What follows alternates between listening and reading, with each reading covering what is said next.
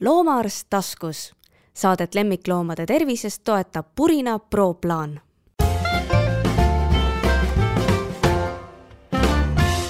tere,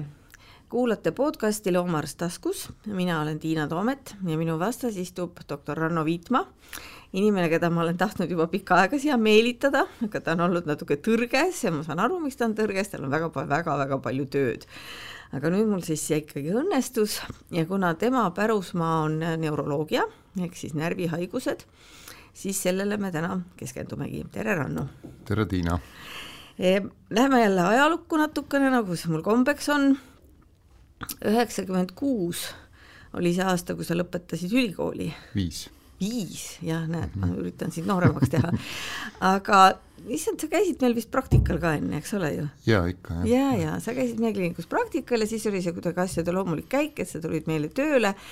mm, ma sellest hetkest küll ei mäleta, et sul oleks olnud mingisugune eriline suundumus, see oli vist see aeg, kus kõik tegid kõike, aga sina tegid vist ikka kirurgiat kohe alguses rohkem. no nii vist oli, et äh, neid meesarste eriti palju ei olnud ja siis kuidagimoodi jäi see luude ja liigeste teema rohkem minu kanda et.... ja, ja, ja luudest ja liigestest me tahtsime kõik ennast eemal hoida, et me väga lootsime, et sina hakkad sellega põhiliselt tegelema ja ja eks sa tegelesid ka, aga siis juhtus kuidagi niimoodi, nagu mina mäletan ja nüüd paranda mind, kas see oli mingi sajandivahetus umbes, kui sa läksid äh, Soome algselt residentuuri või läksid doktorit tegema, kumba pidi see oli? Jah, noh, seal ongi, ma olen üsna, üsna palju seal Soome vahet käinud ja mm -hmm. esimese satsina võib-olla oligi see, et et üheksakümmend seitse juba ma sain sellise pooleaastase stipendiumi Helsingi ülikooli juurde ja, ja seal paratamatult sattus ka neid neuroloogilisi patsiente juurde, nii et et siis, siis üheksakümmend kaheksa, üheksakümmend üheksa oligi esimene aeg, kui me seal Toometis vaikselt hakkasime neid neuropatsiente ka juba tegema ja, ja, esimene, ja ka esimesed lõikused sattusid sinna aega. esimene seljalõikus oli ikka minu silmis ikka tõeline julgustükk, aga see koer ju täiesti tervenes just, aga jah, siis ähm, kuidagi kujunes jälle nii, et äh, mõni aasta oli tööd tehtud ja ja üheks, äh, kaks tuhat kolm pakutigi võimalust mulle Soome minna äh, doktoriõppesse ülikooli juurde. ja, ja tegelikult alguses oligi see noh, kõik oli väga lahtine, läksin just nagu õppima radioloogiat, aga kuna mulle sattus sinna väga sütitav mentor neuroloogia valdkonna poole peale, siis juhtuski nii, et ma kuidagi suundusin hoopis äh, neuroloogiasse, nii et, et äh, alustasin küll doktoriõppest, aga siis sai ka residentuur samal ajal tehtud, nii et et ka selline nagu praktiline pool teaduse kõrvale nii et sealt alates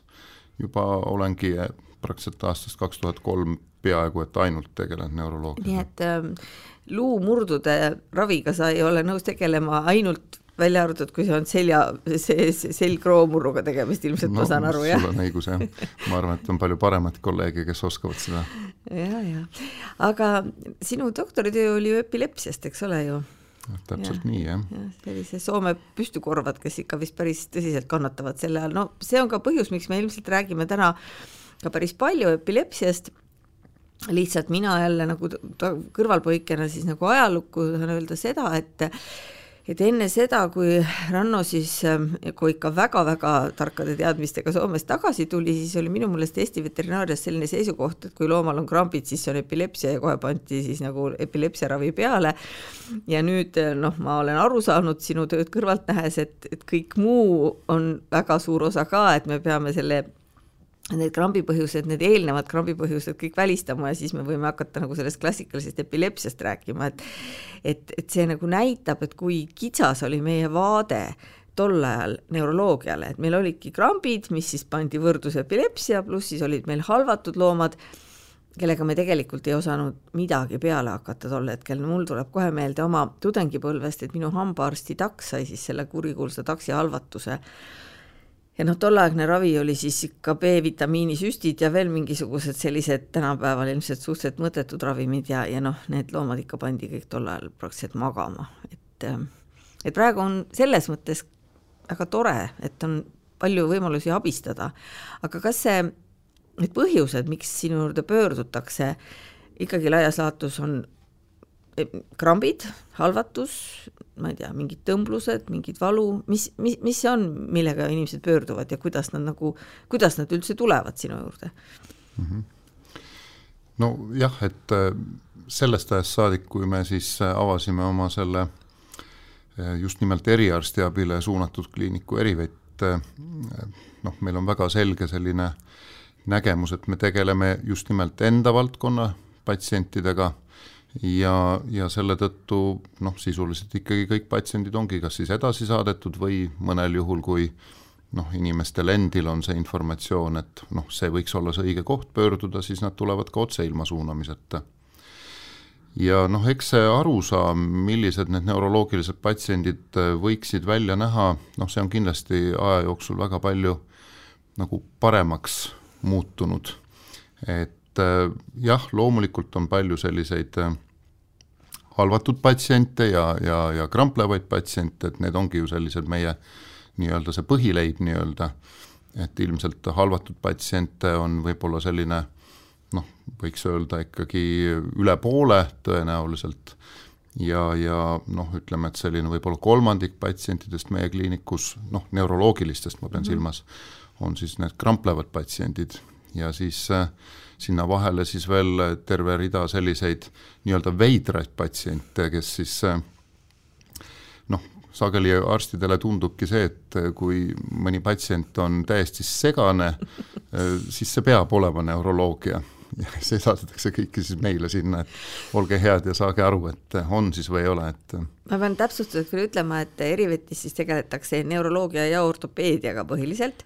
Ja, ja see on nagu selles mõttes õudselt hea kombinatsioon, et, et noh, mingite longete puhul võib ju vabalt olla nii, et, et, et ega seda ju pealevaatamisega ei oska öelda, et kas ta lonkab sellepärast, et tal nii-öelda liigesed, liigesed ei tööta või on tal nagu mingisugune närvikahjustus või on hoopis lihastega, et teil on nagu seda nagu kompleksselt seal hea vaadata, et muidu peaks see vaene koer siis või kass rändama nagu ühe spetsialisti juurest teise, et see on minu meelest nagu teil hästi suur eelis teie kliinikul. et see oligi nagu selline mõte kompleksselt mm -hmm. hallata neid patsiente, et noh, meil on ju ka tegelikult taastusravi, mis, mis siis ka siis käsitleb neid samu patsiente, et et kui ei saa ei ortopeed ega neuroloog aru, siis võib-olla taastusravi inimene suudab paremini veel aru saada ja lisaks siis ta pakub ka seda taastumisele nagu pikemat perspektiivi, et et jah, et selle veidralt käituva patsiendi peale mõeldes, siis äkki teil oleks vaja ka käitumisspetsialisti, sellepärast et seal on ka väga õhkõrn piir ju,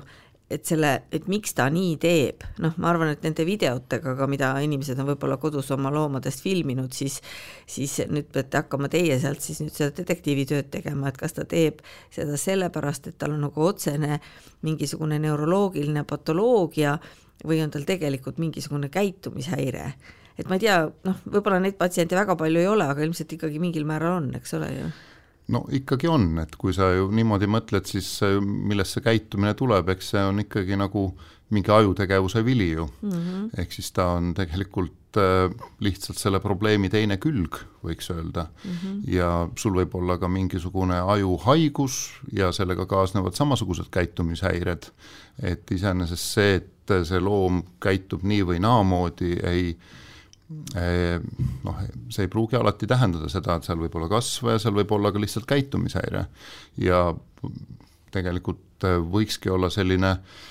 hea tava see, et enne, kui see patsient läheb sinna käitumisspetsialisti juurde, neuroloog vaatab ta üle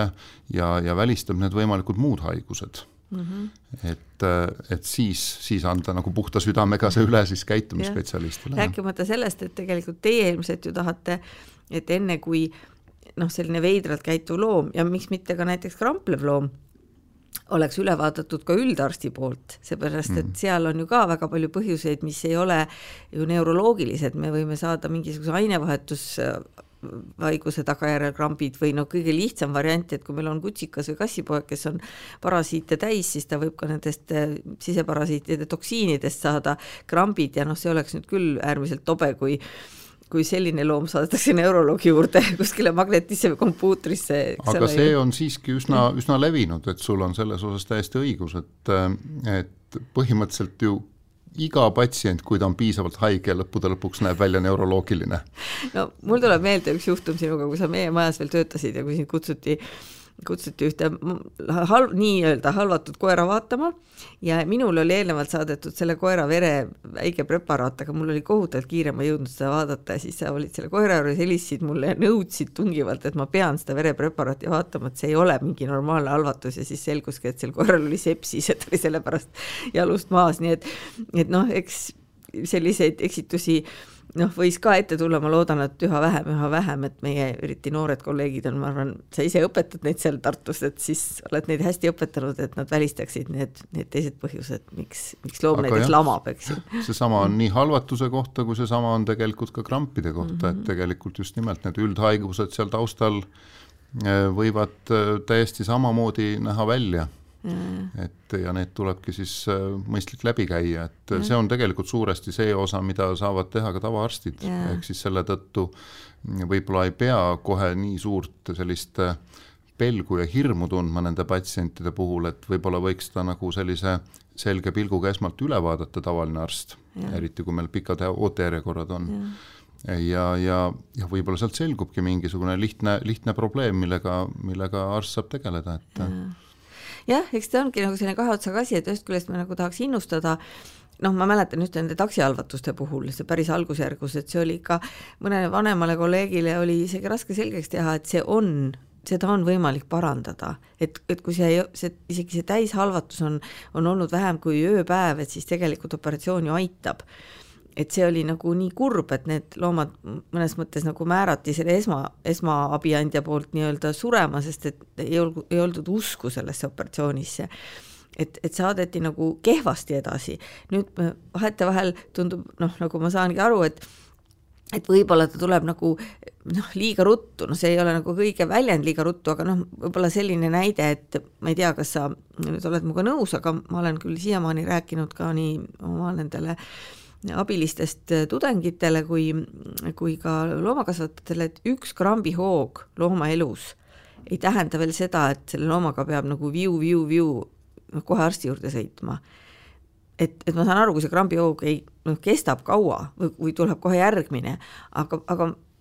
minu meelest on olnud selliseid loomi, kes saavad kord elus ühe krambihoo ja tegelikult ei saa kunagi, ma ei tea, on sul mingi tark seletus sellele ja üldse, kas sa oled nõus minuga, võib-olla sa ütled, et, et nii, nii ei tohi käituda, et tuleb ikka kohe, kohe tulla, aga aga kuidas, kuidas see nagu praegune tänapäeva neuroloogia sellesse suhtub? jaa, noh, tegelikult tõesti see on ilmselt sama ka inimeste puhul, et äh, põhimõtteliselt ka täiesti terve inimene või loom võib teatud ebasoodsatel asjaoludel saada krambihoo ja see ei tähenda siis sellisel juhul veel sellist püsivat haigust, kus, kus need hood siis jätkuvad. ehk siis, et tõesti, kui näiteks äh, esineb palavik või midagi muud sellist, äh, siis see võib lihtsalt viia aju olukorda, kus, äh, kus tekibki see krambihoog. aga korduvad krambihood on juba teine teema ja, ja see, seetõttu tõesti, kui on juba kaks hoogu, siis me peame ikkagi eeldama, et need hood jätkuvad tõenäoliselt ja nendega ka tegelema et noh, üldiselt me muidugi soovitame seda, et kui on olnud üks krambihoog, mis on kenasti ise lõppenud, siiski võiks arst seejärel selle looma üle vaadata, et ega seal ei leidu mingisugust sellist äh, noh, algpõhjust, millega saaks nagu kohe tegeleda, eks ole. aga see tähendabki siis seda selle koera perearsti sel hetkel ilmselt, eks ole ju? ja, ja, ja et tihti tõesti nad jooksevad kohe ummisjalu äh, nii-öelda kiirabisse, eks mm -hmm. ole, aga aga kui loom on taastunud, siis, siis tõenäoliselt võib sellega ikkagi ka mõned tunnid või päevakese oodata, et ja mis on minu meelest ka hästi tähtis, et kui nüüd keegi kuulab ja midagi meelde jätab, et et me ei pruugi midagi leida selle looma uurimisel, aga noh, ikkagi uuring, need uuringud, noh, kas või need ba-, baasvereuuringud tulevad ära teha, aga et hästi informatiivne tegelikult oleks selle krambihoo filmimine eks ole. see on, see on tõsi, sest ja. et äh, noh, inimestel on võib-olla natukene lihtsustatud aru, arusaamine, et millised on, on nii-öelda krambid, et, et see peab olema selline klassikaline krambihoog mm., aga täna me näeme väga suurt vaheldust äh, nende erinevate hoogude puhul ja siin on veel noh, uus kuum teema on, on see, et on väga sarnaseid neuroloogilisi haigusi, mis ei ole üldse epilepsia, mis, mis on mingisugused liikumishäired või midagi muud seda ja seal see video nagu lahti mõtestamine mm. on tegelikult noh, nurgakivi ikkagi, millest need asjad hakkavad liikuma, et yeah jah, ja krambihoogs või, võidakse lugeda ka hoopis mingisugust teistsugust patoloogiat, näiteks mingisuguse südameprobleemiga kokkukukkumist, eks ole ju. ka seda kindlasti. et seetõttu ikkagi tõesti, et, et kuigi muidu mulle käib otseselt närvidele see, et inimesed filmivad igasuguseid niisuguseid noh, nagu hirmsaid või koledaid asju, siis, siis kuna niikuinii ju seda koera või kassi selle krambihoo ajal ju oluliselt aidata ei saa siis oleks mõistlik tõesti taskust telefon välja võtta ja, ja see nagu jäädvustada ja, ja, ja siis on ka võimalik äh, öelda, kui kaua see kestis, sellepärast et et ma kuulasin seda sinu loengut nüüd just ja, ja noh, sain ka jälle targemaks natukene ja siis mul jäi kõrva see, et, et kui krambihoog kestab üle viie minuti, et siis ta ikkagi on juba nagu tõsine lugu. väga tõsine lugu mm. -hmm aga, aga kui mõtled, et see viis minutit, see võib tunduda sellele inimesele, kes vaatab oma krambitavat koera, see võib tunduda poole tunnina. et nad ei oska pärast seda hinnata, et see kestis võib-olla tegelikult ainult minuti, see krambihoog, sest see lihtsalt on nii hirmutav. no ilmselt see esimene nagu kord võibki mm. olla täiesti šokeeriv omanike jaoks, et et ma täiesti saan aru, et see tundubki, et mis loomast on peast hulluks läinud, ta soo-, soovitab küüniliselt hakata filmima seda mm, -hmm. et noh mm, -hmm. olgu, et äh, pigem sel hetkel tõesti, et äh, proovige ise rahulikuks jääda ja, ja tagada loomale see turvalisus, et see on ilmselt see esimene mõte, aga kui teil on rohkem kui üks inimene, et siis võib-olla tõesti keegi teist võiks nii-öelda proovida olla see kõrvaltvaataja ja ja dokumenteerida see olukord, et no samas ilmselt peaks selle praegu nüüd kohe, kohe ära ütlema, et et ega me ei saa teha midagi noh, mi-, mis need on, need on lihtsalt see, et sa tagad looma turvalisuse, see tähendab, et kui ta on trepimademel, et siis lohistad ta eemale, aga aga muud ju me ei saa praktiliselt midagi teha selle krampleva loomaga ju. Jah, reeglina on see nii, et, et kuigi osadel juhtudel omanikel on selline kindel arusaam, et see rahustamine on just see, mis, mis nii-öelda selle looma sellest hoost välja toob, aga, aga ütleme nii, et standardolukorras sellel ei ole tõesti vahet, et et kas te rahustate seda looma või mitte. ja veel vähem tasub seal hakata, ma ei tea, keelt suust välja tõmbama või midagi sinna hammaste vahele toppima, et, et see pigem ajab asja hullemaks või mm -hmm. olete hiljem ise vigastatud või jah, seal ilmselt ongi see oht just, et, et kuna see loom ei tea ja ei saa aru, mida ta teeb, et siis ta võib lihtsalt kogemata teha viga sellele inimesele, kes teda aidata tahab ja, ja seda ei ole kellelegi vaja e kui me nüüd räägime nendest krampidest, siis muidugi sa ei hakka mulle siin ette lugema kõiki neid tohutuid põhjuseid, mis seda teki, tekitada võivad, aga mõned punktid, mis siis äh, nii-öelda näitavad meie kuulajale, et et see ei ole tõesti nii, et me paneme krampide ja epilepsia vahele võrdusmärgi, et see, see ei ole kindlasti õige, sest et krampide põhjuseid on palju. et mis, mis asju seal võib nagu veel olla lisaks, ehkki epilepsiat ilmselt on väga palju meie, meie loomadel ka mm, -hmm. seda klassikalist epilepsiat. no et see natukene sõltub ilmselt sellest, äh, kuidas me seda sõna epilepsia kasutame või mida me nagu silmas peame. et kui me kasutame sellist väga suurt üldistust, öeldes epilepsia, et siis sisuliselt see tähendab nagu igasugust ajuhaigust, millega kaasnevad krambid. Okay.. et see siis nagu mõiste, see, see, siis nagu oleks, et mm -hmm. ja siis me võime väga robustselt lööd, lüüa need asjad nagu pooleks, et pooltel juhtudel on seal ajus mingisugune väga konkreetne eh, noh, struktuurne haigus, et on see siis selline insuldilaadne muutus või kasvaja või põletik või midagi sellist või midagi kaasasündinut, ja teistel pooltel juhtudest on siis eh, see, kus äh, kus me võime teha kõik uuringud ja see aju näeb välja täiesti normaalne. aga ometigi saab äh, see loom krambihoogusid. et siis tõesti me räägime sellest epilepsiast nagu sellises kitsamas tähenduses, võiks sinna siis liita veel sellise mõiste nagu idiopaatiline ette, et see tähendabki seda, et seal ajus ei ole midagi struktuurset, aga ta saab krampe et me ei tea põhjust. et me ei tea põhjust, aga, aga täna sellel on veel nagu loodud see, et see idiopaatiline on nagu selline katusmõiste ja see sisaldab veel selliseid kolm erinevat sisu, nii et on väga palju erinevaid tüüpe idiopaatilisi epilepsiaid. ja osad siis on väga selgelt määratletult nagu geneetilised, et me teame, et nii see ongi ja osadel juhtudel siis me jõuamegi välja, et, et teadmata põhjustel. no mis see võiks olla nagu loomaomaniku ja kuulaja jaoks oluline, on see, et kui jällegi sellel vanal ajal olid krambid võrdus siis nagu selline epilepsia, mida raviti siis noh, tol ajal raviti fenobarbitaaliga, tänapäeval ilmselt ka, aga noh, ravimitest me siin tavaliselt reeglina ei räägi, lihtsalt et, et meil ei ole nüüd nii, et me kramplevale loomale kohe kõmaki paneme selle ravimi peale, sest meil on nüüd see esimene grupp, keda sa mainisid, kelle puhul me võib-olla saame neid krampe ära hoida sellega, et me kuidagi sekkume sellesse patoloogiasse, mis tal on. ja siis on meil need, eks ole, kellel ongi see nii-öelda idiopaatiline epilepsia, kelle puhul meil ei jäägi ilmselt midagi muud üle kui eluaegne krambivastane ravi, eks ole, olen ma nagu õigesti aru saanud sellest laias laastus küll, kuigi mm. noh, see krampide vastane ravi võib olla õigustatud nagu mõlemal juhul. ja seda kindlasti, jah. et ja. isegi kui seal põhjuseks on kasvaja, siis äh, ikkagi krambid kui sellised ja. on ajule ikkagi nagu pahad. jah, et krambi me peame maha võtma igal juhul mm, -hmm. see on nagu selge, jah. aga lihtsalt jah, et äh, me võib-olla selekteerime nagu paremini neid patsiente mm, -hmm. et äh, miks me seda ravi teeme ähm,, kuigi noh, tõesti, võib-olla võib isegi öelda hoopis äh, seda, et äh, noh, ühelt poolt tõesti see,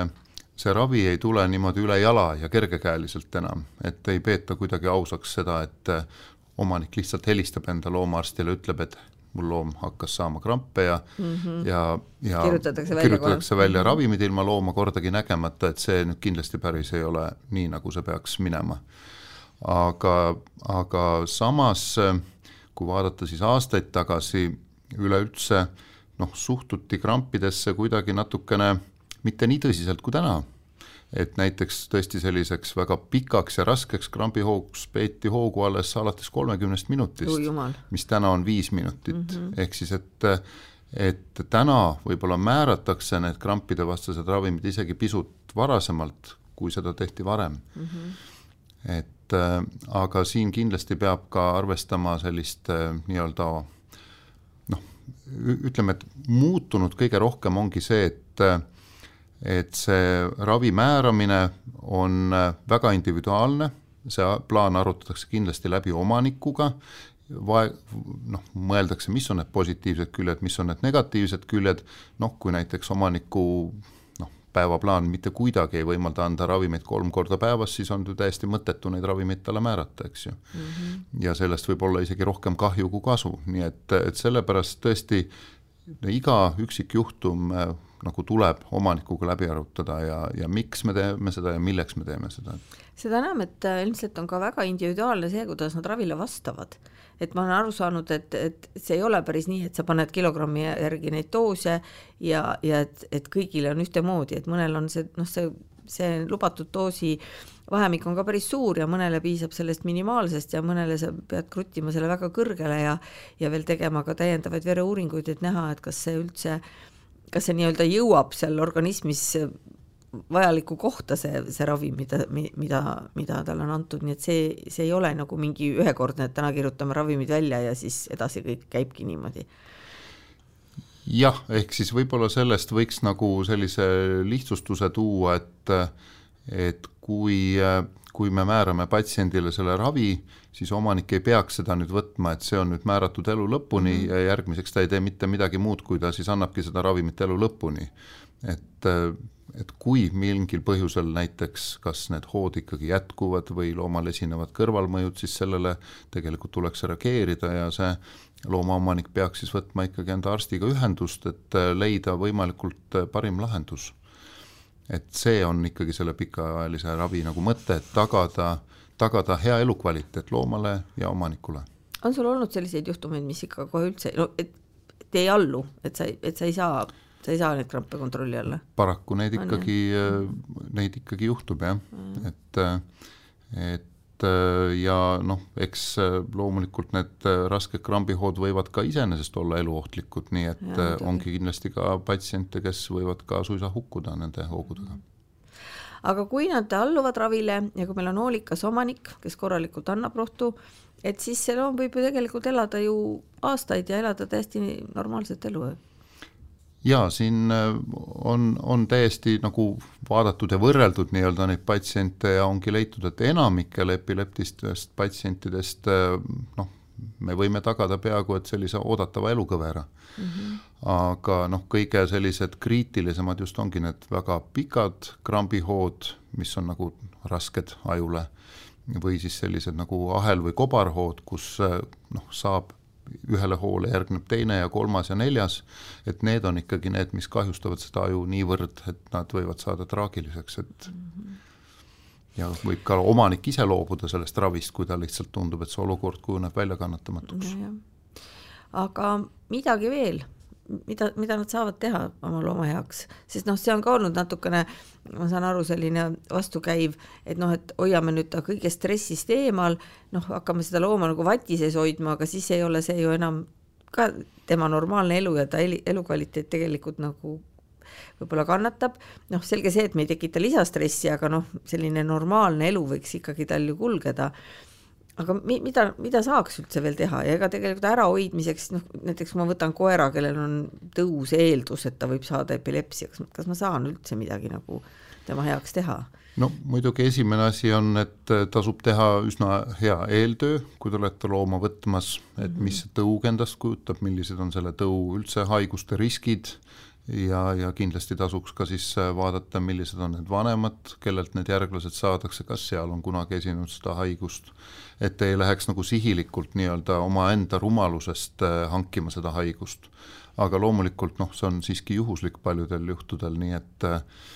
et te ei saa minimeerida seda, seda võimalust, et ikkagi teil satub kogemata haige loom. aga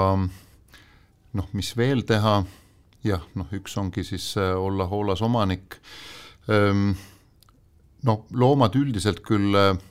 nagu eelistavad rutiini oma, oma elus, et see on kindlasti hea asi, aga ma arvan, et selline nagu rõõmutu elu ei ole ka nagu suurt midagi väärt, et siin äh, pigem jah,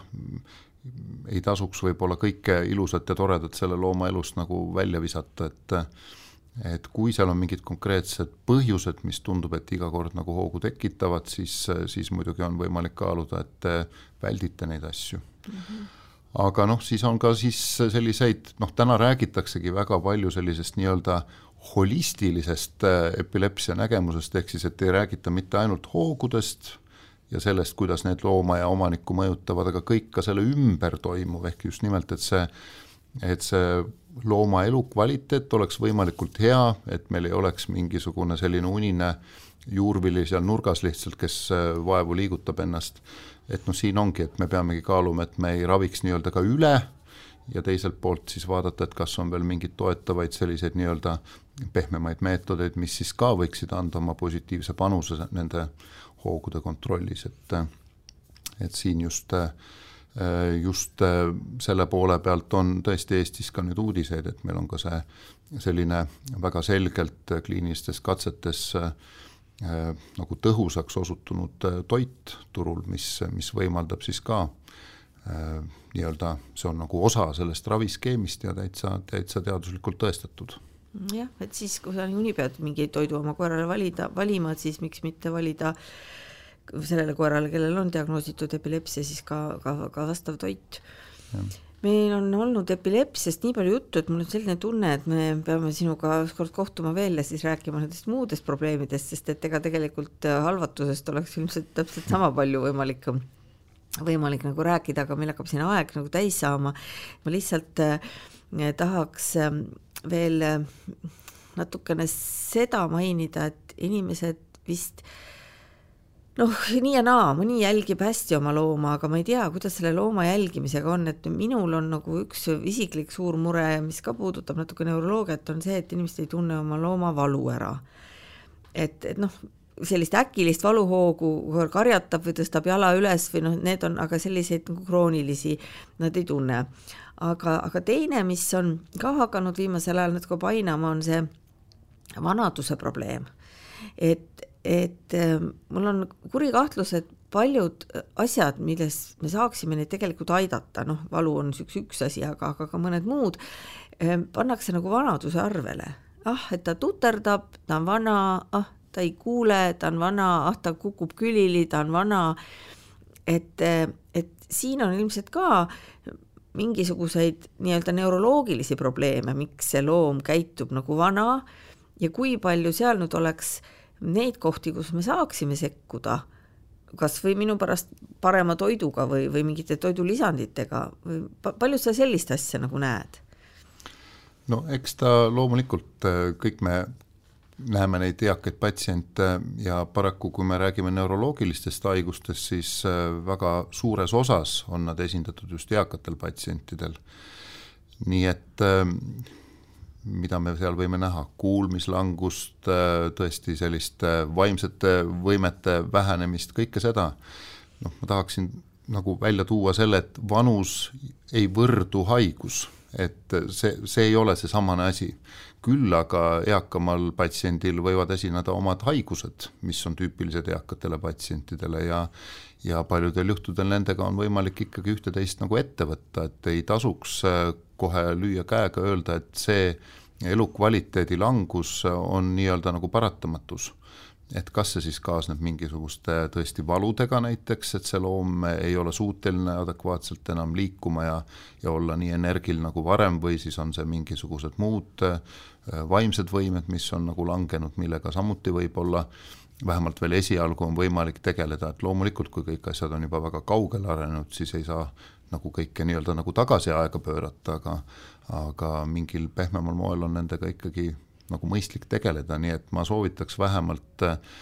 käia ja konsulteerida sellisel juhul äh, nende probleemide asjus äh, kas siis enda loomaarstiga või kui arstile tundub, et see on midagi enamat, mida ta ei oska nagu lahti mõtestada, siis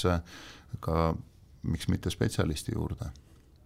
Et noh, see vanalooma ülevaatus peaks ikka ilmselt kuuluma ka alati sellise perearsti juures käimise hulka ja, ja, ja noh, tegelikult oleks ideaalis ju see, et, et see perearst ongi see üks ja sama konkreetne, kes on seda looma näinud ja tema ilmselt juba oskab ka hinnata, et aa, selle aasta või kahega, et see loom ongi muutunud, sest tihtipeale me ise nii harjume ära sellega, et hakkab nagu vaikselt tuterdama või et ta on juba natukene nagu totuks muutunud ja siis ei siis ei oska nagu vahet teha, aga, aga, aga kõrvalseisja suudaks küll nagu öelda, et et oot-oot-oot, et äkki nüüd siis võtaks midagi ette selle loomaga, et, et me tegelikult saame, noh, just ongi see, et, et ma arvan, et see meie sõnum loomaomanikule võiks olla see, et me ikkagi mingitel juhtudel saame neid aidata, et see ei ole nagu selline paratamatus.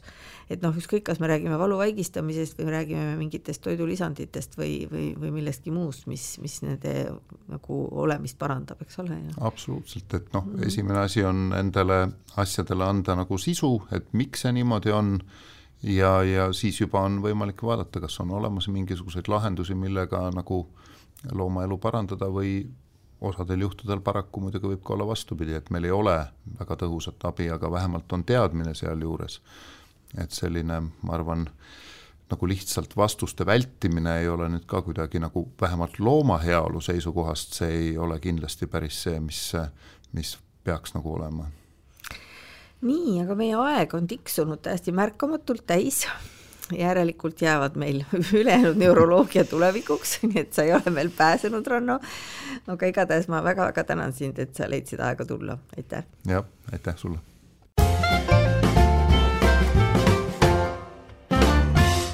loomaarst taskus. Saadet lemmikloomade tervisest toetab Purina Pro plaan